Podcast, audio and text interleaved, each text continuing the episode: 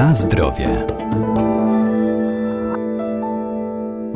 Artykuły spożywcze dostępne w handlu muszą być odpowiednio oznakowane. Etykiety na opakowaniach to dla nas cenne źródło informacji, dlatego warto je czytać. Dotyczy to także zakupu ryb, zarówno świeżych, mrożonych, jak i przetworów rybnych.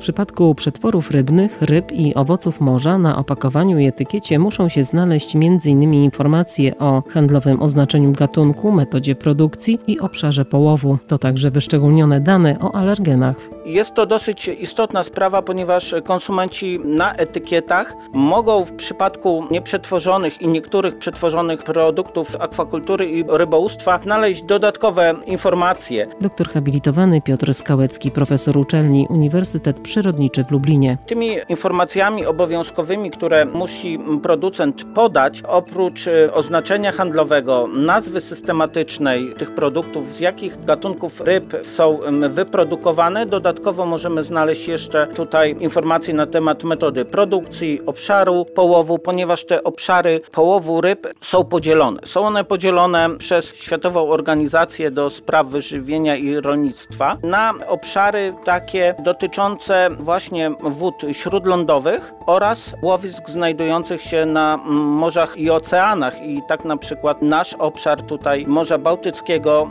według tego podziału FAO to jest numer 273D i konsument od razu ma informację z jakiego obszaru połowu dane ryby, dany produkt pochodzi. Oczywiście tutaj dodatkowo jeszcze ze względu na fakt, że konsumenci są coraz bardziej świadomi, są podane też informacje na temat narzędzi połowowych, a więc jakimi narzędziami te ryby były pozyskane, czy jeszcze dodatkowo produkt był wcześniej przed sprzedażą rozmrażany. Od roku 2016 też konsument znajdzie informacje na temat wartości odżywczej danego produktu. Szczególne to ma znaczenie przy produktach przetworzonych, bo jeżeli mamy do czynienia z produktami nieprzetworzonymi, tam wtedy takiego obowiązku nie ma. Oczywiście jeszcze dodatkowo mamy podane alergeny, jeżeli one występują. Oczywiście datę minimalnej trwałości, termin przydatności do spożycia, ilość netto, ilość składników w przypadku tych produktów przetworzonych, tak samo wykaz składników, które wchodzą w skład, jeżeli mamy do czynienia właśnie z tymi produktami wysoko przetworzonymi, tak jak w przypadku konserw rybnych. Na zdrowie. Warto też zwracać uwagę na ryby mrożone, zawierające w składzie związki fosforu, dodawanego w celu zawiązania wody przez tkankę mięsną ryby. Dodatkowe informacje powinny posiadać także produkty glazurowane, a kupując ryby świeże, należy dokładnie im się przyjrzeć. Tutaj trzeba zwrócić y, uwagę na mm, kilka takich y, podstawowych cech, którymi y, taka ryba świeża powinna się charakteryzować. Czyli zwracamy uwagę na to, czy powierzchnia skóry jest połyskliwa.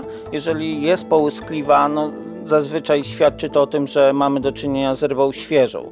Ryby o skórze, o takim wyglądzie właśnie mm, suchym, matowym, e, mogą być to ryby, które mm, są przetrzymywane e, przez dłuższy okres czasu.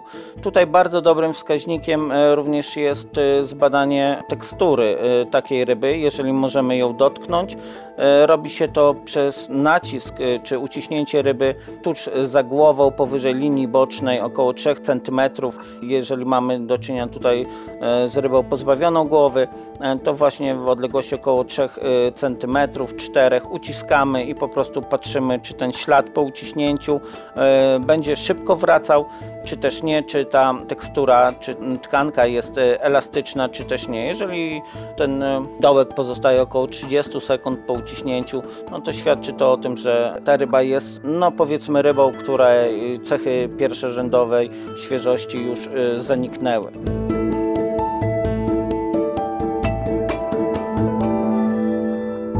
W przypadku ryb oferowanych luzem podstawowe informacje o produkcie powinny znajdować się na etykiecie opakowania zbiorczego. Takie dane udostępni nam sprzedawca.